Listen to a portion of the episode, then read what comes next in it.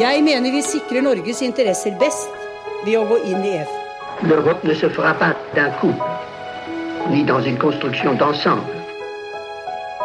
Das beste Mittel, um eine Politik zu treiben, die sich auf Vertrauen gründet. Dette er ikke noe vanlig samarbeid mellom selvstendige nasjoner. Dette er en sterk og dyp integrasjon. No, no, no.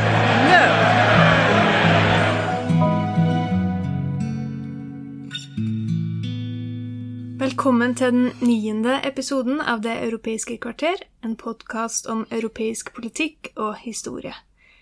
Og det er en podkast av Lise Rie og meg, Kristine Graneng, ved Europastudier på NTNU. Nå så har vi kommet til den siste episoden av denne første sesongen, Lise. Og da tenker jeg kanskje at det er på tide å oppsummere og runde av litt. EU og demokrati, som har på en måte vært gjennomgangstemaet vårt i vår, det er jo absolutt ikke et tema som vi blir ferdig med. Men nå når vi på en måte har beveget oss litt rundt omkring i det her temaet, så tenker jeg at det er kanskje greit å løfte blikket litt igjen. Ja, det kan vi godt. Sjøl så har jeg ofte tatt meg i å tenke når vi har jobba med denne podkasten nå i vår, eh, så har jeg ofte tatt meg i å tenke på den informasjonskampanjen som NTNU kjørte for et par år sia, og som fikk mye kritikk. En del av den kritikken retta seg mot slagordet 'Challenge Democracy'.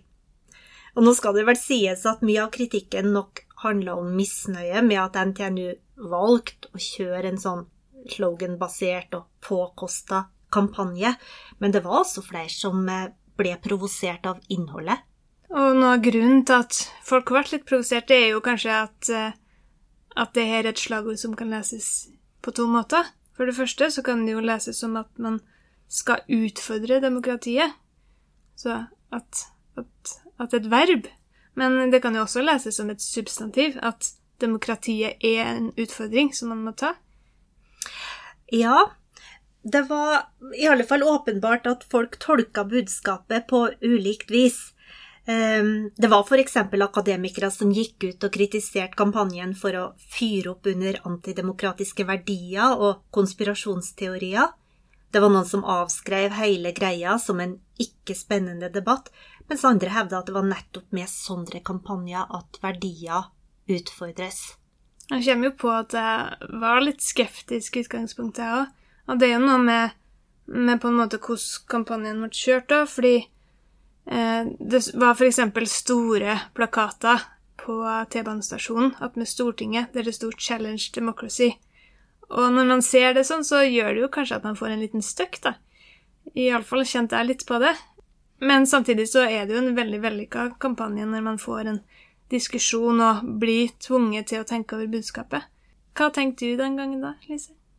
Jeg husker at jeg ble litt forbausa over eh, de veldig sterke negative reaksjonene, for jeg var kanskje litt enkel, men jeg leste kampanjen som en oppfordring til å ikke ta demokratiet for gitt. Til å forske på vilkårene for demokrati, og til å forsøke å forstå hvorfor demokratiet tar ulike former i ulike sammenhenger. Så jeg syntes det var flott, jeg, og helt på sin plass, at NTNU valgte å rette oppmerksomheten mot demokrati som tema for forskning og utdanning. Jeg kan egentlig ikke tenke meg et viktigere tema, av mange grunner. Demokrati er jo for det første helt grunnleggende, det er en forutsetning for alt det andre vi prøver å få til i samfunnet. Og for det andre så er det sånn at det er veldig mye forskjellig som seiler under demokratiflagget nå om dagen. Viktor Orban har, som du vet, beskrevet sitt regime som et illiberalt demokrati.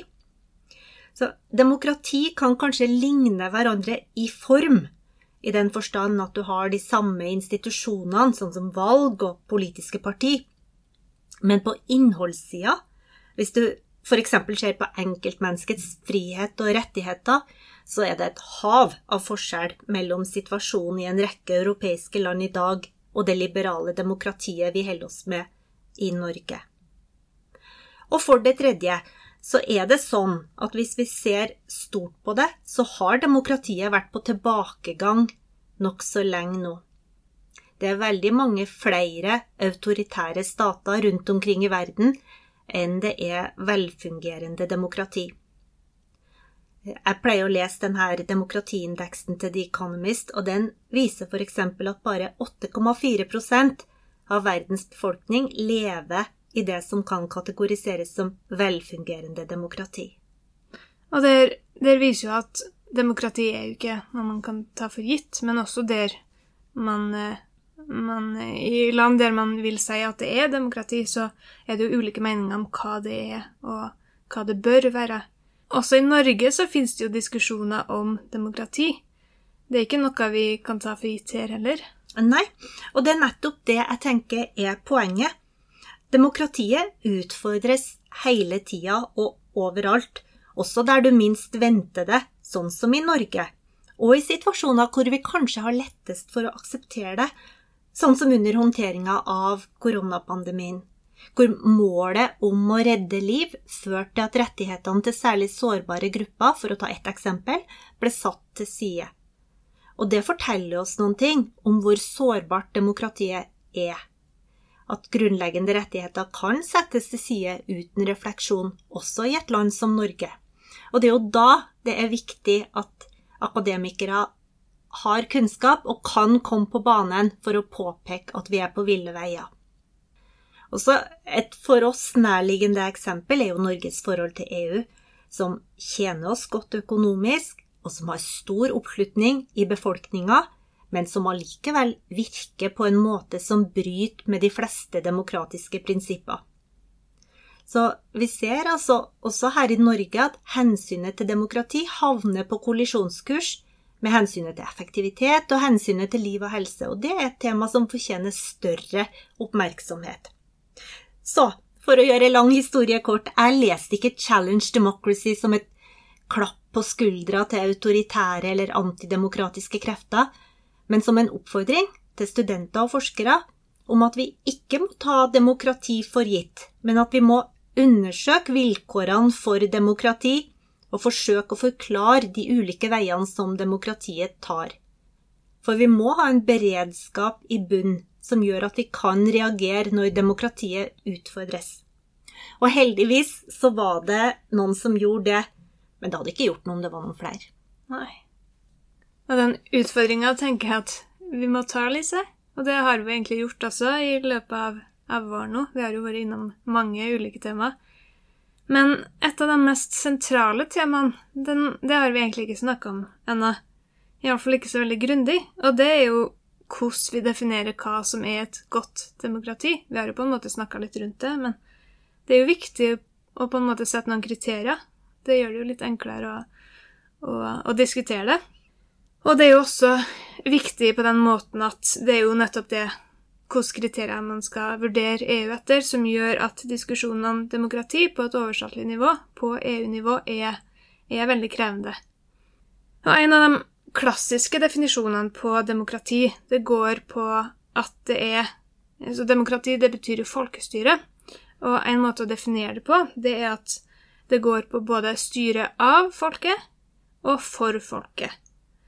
Av folket i den forstand at folket er med på å bestemme, og for folket i den forstand at det er til gode for folket. Og Iallfall jeg har en tendens til å bruke ordet demokrati med referanse bare til denne første delen, så det som går på medvirkning og, og deltakelse. Og hvorvidt det politikerne gjør, er i tråd med det folket ønsker. Men det er altså mer ved demokratibegrepet enn bare det. Ja, mye mer, egentlig. Men de her to sidene som du eh, bringer opp, de har jo vært gjennomgående i EUs historie. Og europeisk integrasjon det er jo òg en trade-off mellom demokrati i forståelse av representasjon og medvirkning, eller deltakelse, da, om du vil, og demokrati i form av resultat. Så på den ene sida så har land valgt integrasjon fordi de ser at de kan oppnå mer sammen enn hva de kan oppnå alene. Men på den andre sida så blir avstanden mellom dem som styrer, og dem som blir styrt, større. Danny Roderick, han er en professor ved, Harvard. Eh, han ser på det som et slags trilemma, altså som en slags trekant der man bare kan velge to av sidene. Og hvis man har globalisering på den ene sida så må man enten gi avkall på muligheten til å bestemme egen politikk, utfallet av politikken, eller så må man gi avkall på det nasjonale demokratiet, mener han da. Og i EU-systemet så har man valgt å gi avkall, eller medlemslandene da, har valgt å gi avkall, iallfall til en viss grad, på det siste, altså det nasjonale demokratiet. For å få til felles regler på EU-nivå som sikrer at det ikke blir fullstendig frislipp, så er det krevende å ha nasjonal medvirkning. Tja. Jeg, ville kanskje heller sagt at man gir avkall på store deler av det nasjonale handlingsrommet, for det er vel strengt tatt så er det jo bare vi og Island og Liechtenstein som har valgt bort eh, demokratiet. Det er vi som har valgt en EU-tilknytning som utelukker medbestemmelse og ansvarliggjøring av beslutningstakerne. Men, men ja, det er en viktig påpekning av noe som kommer til uttrykk på, på flere områder, som f.eks. Eh, i møte mellom et internasjonalt arbeidsmarked, som vi har gjennom EØS-avtalen, og nasjonale velferdsstater. Innenfor statsvitenskapen så snakker man ofte om input- og output-demokrati, altså om hvordan man kan bidra inn i systemet, input, og om resultatene som kommer ut av det i form av politikk og lovgivning, output. Og i starten av EU-samarbeidet så var fokuset først og fremst på output, på resultatene. Det var det som ga samarbeidet oppslutning og så, legitimitet. Ja, f.eks. hensynet til økonomi, at man skulle sørge for økono økonomisk vekst og, og fred. Ja. Kanskje det viktigste. Vekst og velferd etter hvert. Men fra midten av 1980-tallet, med enhetsakten og gjennomføring av et felles hjemmemarked, som, som, vi også er med i gjennom EØS, så blir EU-samarbeidet mye bredere, og det griper på en helt annen måte inn i livene til folk. Og da kommer det jo også et, et sterkere krav om input-demokrati, altså at man får være med å bestemme. Og det må jo nødvendigvis komme på europeisk nivå, fordi landene nå blir så tett forbundet at det ikke kan være opp til hvert enkelt land å utforme reglene og vi har jo vært innom flere måter man kan se input-legitimitet på. Det handler jo både om medvirkning gjennom valg og høringsprosesser, f.eks., og om representasjon, så om man føler seg representert inn i, i EU. Og det første jeg tenker på når jeg tenker på input, det er jo det her mer stilltiende samtykket. At folk oppgir at de er fornøyd med EU, at de slutter opp om medlemskap i EU, at de har tillit til EU og syns at EU gjør bra ting. Men det har jo ikke bestandig sett like bra ut. Eh, for oppslutninga fikk seg jo særlig en knekk da i forbindelse med eurokrisa. September 2010 det var første gang at flere hadde mistillit enn tillit til EU. Og høsten 2013 så hadde 31% av innbyggerne et positivt bilde av EU, mens nesten like mange, 28% hadde et negativt bilde. Hvordan ser det ut i dag, Lise? Vet du det? I dag så ser det faktisk litt uh, bedre ut. Så det er jo grensa for hvor mye vekt du kan legge på de her eurobarometerundersøkelsene. Men de viser i hvert fall at tilliten til EU er markant større nå enn hva den var da finans- og flyktningkrisa var på sitt djupeste. I dag så viser denne eurobarometer, da, som en sånn meningsmåling for, eh, for EU, den viser at tilliten til EU den er høyest i Portugal og lavest i Hellas. Og det er jo litt interessant, syns jeg, med tanke på at begge de her landene var veldig hardt ramma av eh, finanskrisa. Mm. Um, men um, Hellas fikk jo flyktningkrisa i fleisen eh, kort tid etterpå, og det virker nok inn her. Men hvis vi ser EU under ett, så må vi tilbake til 2009, altså før finanskrisa virkelig brøt ut, for å finne et bedre inntrykk av EU enn det innbyggerne har i dag. Men det er et stort spenn mellom de ulike landene. Det er det. Vi har også snakka om at Europaparlamentet har fått en større rolle i EU. Og det er et viktig steg for demokratiet når samarbeidet gjør at det er mindre rom for det nasjonale demokratiet. At man får et, et europeisk demokrati, da, eller gjennom Europaparlamentet. Men også Europaparlamentet er jo Man kan, kan, kanskje kalle det et offer for flere av utfordringene som input-demokrati på europeisk nivå har, f.eks. avstand mellom dem som tar beslutninger, og dem som blir berørt av dem, og lite oppmerksomhet, kanskje som følge av det, da, den avstanden. Men det er en annen utvikling jeg har lyst til å peke på her også, som vi ikke har snakka så mye om, og det er jo det at avgjørelser mer og mer blir flytta over til den utøvende makta, så til kommisjonen og, og til byråer. Og igjen så handler jo det om effektivitet, altså om resultatene. At man ønsker å få til mer effektive beslutninger. Og flere har jo pekt på hvordan det blir ytterligere forsterka under krisa, der det blir forventa at ting skjer enda raskere. Et eksempel på det er jo den rollen Den europeiske sentralbanken fikk under eurokrisa, men også hvordan nasjonale regjeringer og kommisjonen fikk en styrka rolle på bekostning av parlamentene både nasjonalt og europeisk, eh, eller på europeisk nivå. Og nå er jo kanskje eurokrisa litt spesiell, med tanke på at ikke alle EU-land er med i eurosamarbeidet. Det har jo betydning for hvordan, hvordan prosessene fungerer. Men vi ser jo også lignende tendenser f.eks. under koronapandemien. Når ting skal skje fort og effektivt, så går det som regel på bekostning av medvirkning og debatten rundt sakene. Ja, det gjør det. Og du behøver ikke å dra så langt som til EU for å finne eksempel på det. Det har vi jo også sett her i Norge, hvor det har vært lite rom for diskusjon i Stortinget om eh, koronahåndteringa. Og denne eh, demokratiindeksen som jeg nevnte i sted, denne eh, The Economist sin demokratiindeks, den viser jo at eh, det har vært dårligere kår for demokratiet i koronaens periode. Og det kan jo også kanskje ha litt med det at man er villig til å akseptere mindre medvirkning da, under krisa, fordi man er opptatt av at det skal fungere effektivt. Ja, fordi du får ulike hensyn som kolliderer, ikke sant. Du, du ønsker å redde liv og helse, som man har prioritert her i Norge, og så kommer man i skade for å sette demokratiske rettigheter til side uh, underveis. Mm. Vi har sett på alternative former for input også, Lise. Bl.a. blant annet folkeavstemninger, som hittil er et nasjonalt anliggende, men som har blitt et viktig verktøy for de større avgjørelsene om europeisk integrasjon. På godt og vondt, kan man kanskje si. Og så har vi sett på innbyggerinvolvering i forskjellige former, sånn som konferansen om Europas framtid eh, kanskje er det største eh, eksempelet på.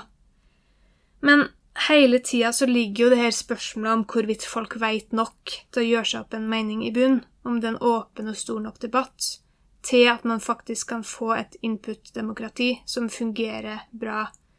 Og det ser jo på mange måter ikke helt sånn ut, sjøl om man kan se noen tendenser til at det er en større debatt om EU-spørsmål eh, i medlemslandene nå enn tidligere. Mm, men eh Igjen, da, for å ta et norsk eksempel. I Norge så vet vi jo at det har vært sånn at nordmenn hadde aldri mer kunnskap om EU enn hva man hadde i periodene som leda opp til de to folkeavstemningene. Mm. Men man er på en måte avhengig da, av at det er noe spesielt som skjer, for at man får opp debatten, virker det som.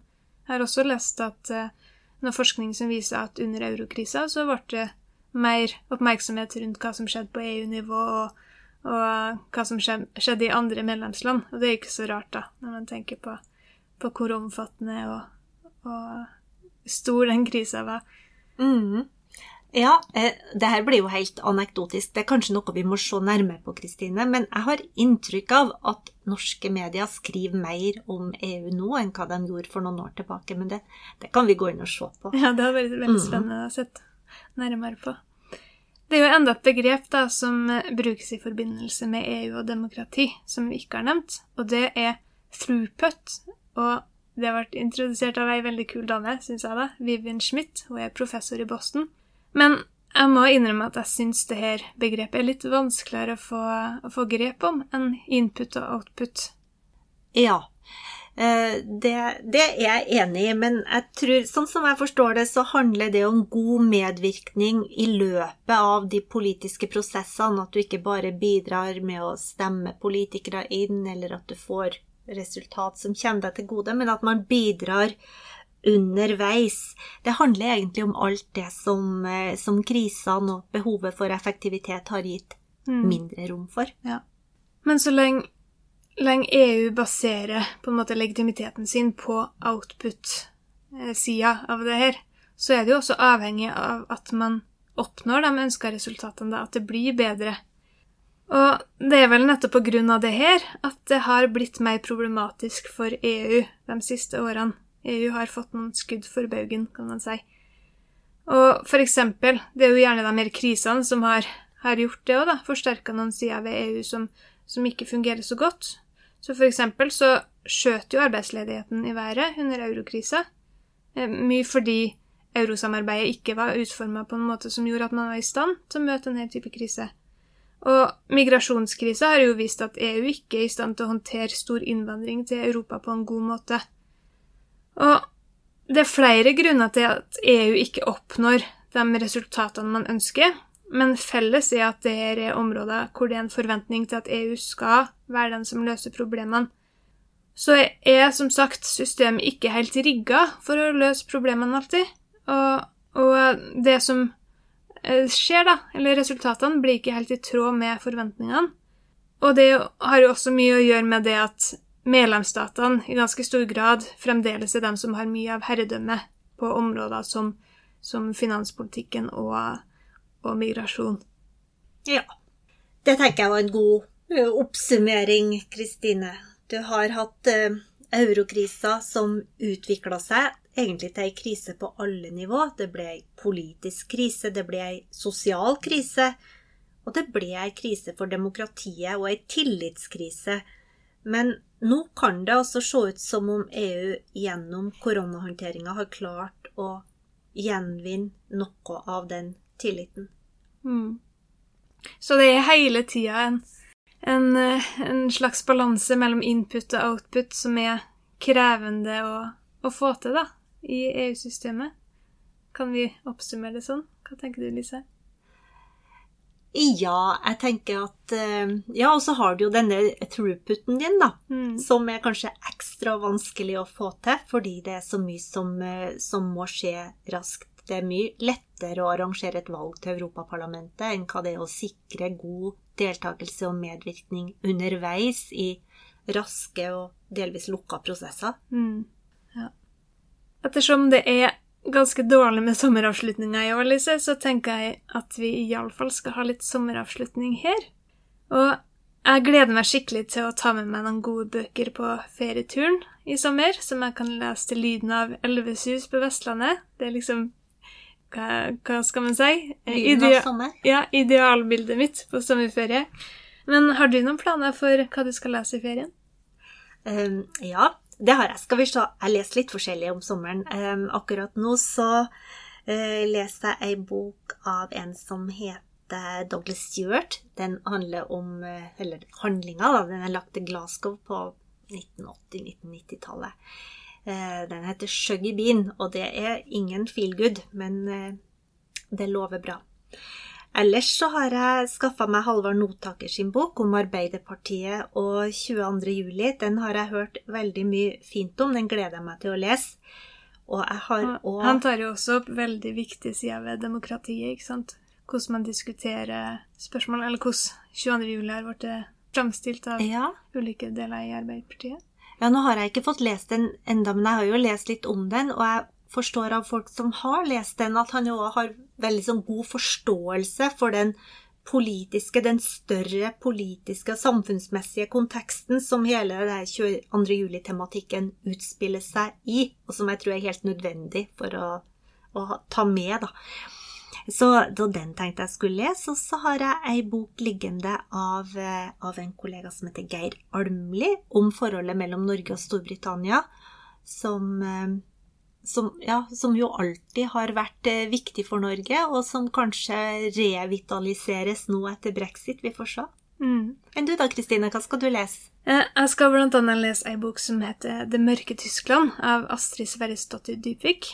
Og det er jo valg i Tyskland, og heldigvis er det ikke så mye som tyder på at uh, den radikale høyresida i Tyskland fortsetter å vokse, sånn som den har gjort de siste fem-seks årene. Men jeg tenker det er veldig viktig å forstå hva som skjer.